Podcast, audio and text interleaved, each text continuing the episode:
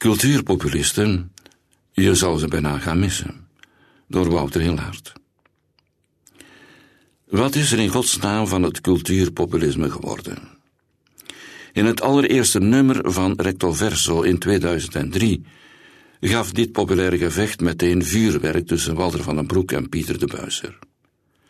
Met gevleugelde clichés over en weer zongen ze de cacophonie van dooddoeners die in die dagen wel vaker weerklonk. Uit het ene kamp raasde vintage verwijten à la solipsisme, vernemingslust, vriendjespolitiek, publiekshaat en hermetische monocultuur. Uit het andere kamp klonken de klassieke klaroenstoten voor vrijheid, vrijdenken en loutere verantwoording aan de kunst zelf. Bij monden van de Buiser weerde het betere theater zich als evident maatschappelijk verzet, omdat het nu eenmaal spaken in de wielen stak van marktdenken, effectbejag, publiekskwantificeren en het dictaat van de nuttigheid. O doorlopende dovenmansgesprek tussen populistisch en elitair, als water en vuur.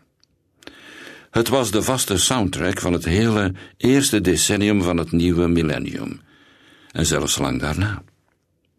Hoe, waarom en wanneer is die cacophonie ineens verstomd? Tegenwoordig overdondert vooral de stilte of hoogstens de doffe ruis. Politiek gezien is populisme nooit populairder geweest.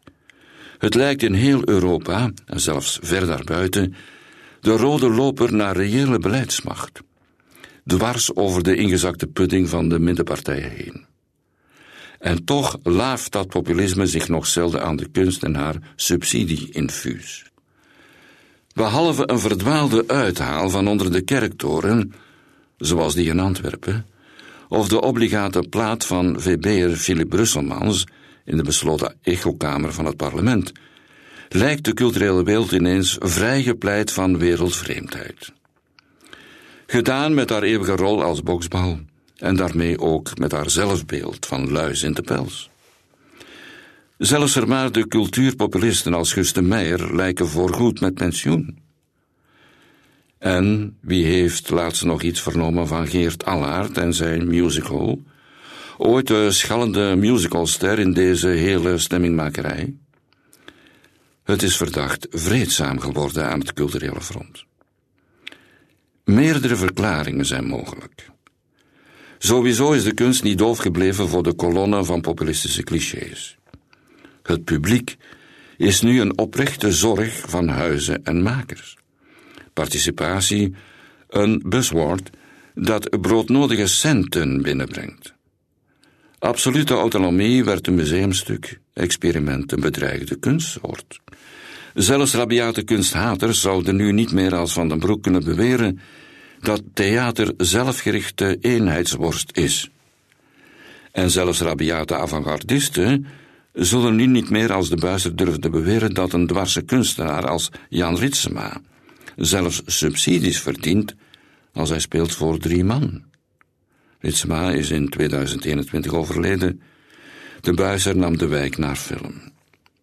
Alleen Van den Broek is niet van zijn pad geweken. Intussen de tachtig voorbij bewerkte hij onlangs nog Tijl Uilenspiegel, 2022. En schreef hij met zijn roman Crossroads, 2021, een ode aan het verdwenen volkscafé. En sluipenderwijs kreeg hij de geschiedenis aan zijn kant. Meer volk wil nu iedereen. Een andere mogelijke verklaring voor de nieuwe culturele vrede is de positiewissel van NVA. Speelde de Wever ooit met sardonisch plezier de cultuurpopulistische steekmug, met af en toe een welgemikte sneer naar de kunsten in de krant, dan scoort hij tegenwoordig liever punten met kakken op wok. Zo makkelijk valt er met absolute vrijheid te chagren. Ooit was het baarlijke mikpunt van de Vlaamse identitairen. Nu geldt ze als hun hoogste vaandel in de kruistocht tegen elke andere identiteitspolitiek. De wind is duidelijk gedraaid.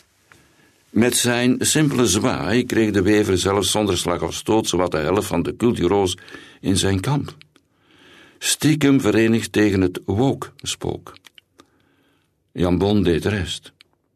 Als cultuurminister in bijberoep probeert hij na wat scheve schaatsen nu vooral vriendjes te worden met de culturele elite. En zo stilzwijgend kredieten kopen in de grote instellingen.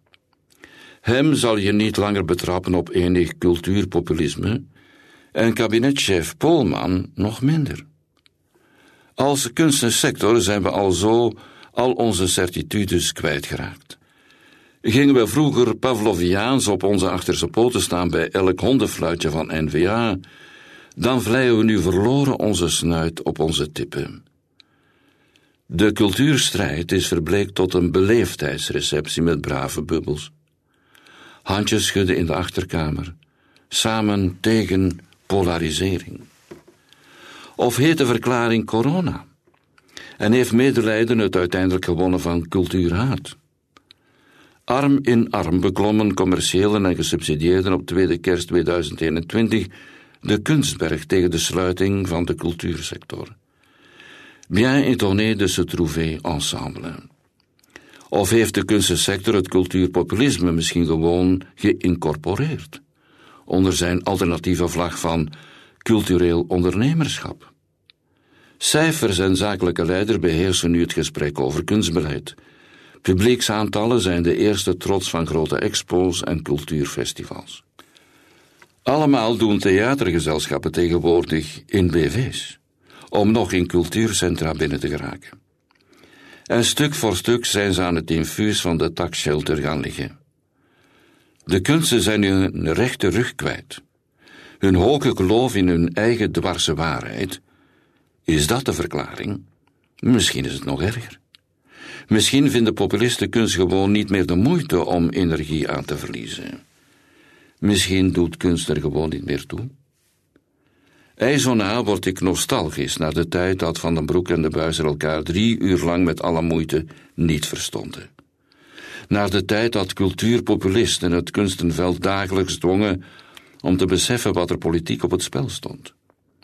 De tijd dat recto verso in die ideologische spreidstand nog ongecompliceerd kon staan voor woord en wederwoord. Wouter Hillaert is cultuurjournalist en was tot 2019 kernredacteur bij Recto Verso. Hij werkte 15 jaar lang als freelance theatercriticus voor achtereenvolgens De Morgen en De Standaard en doseert nu deeltijds op het Conservatorium Antwerpen.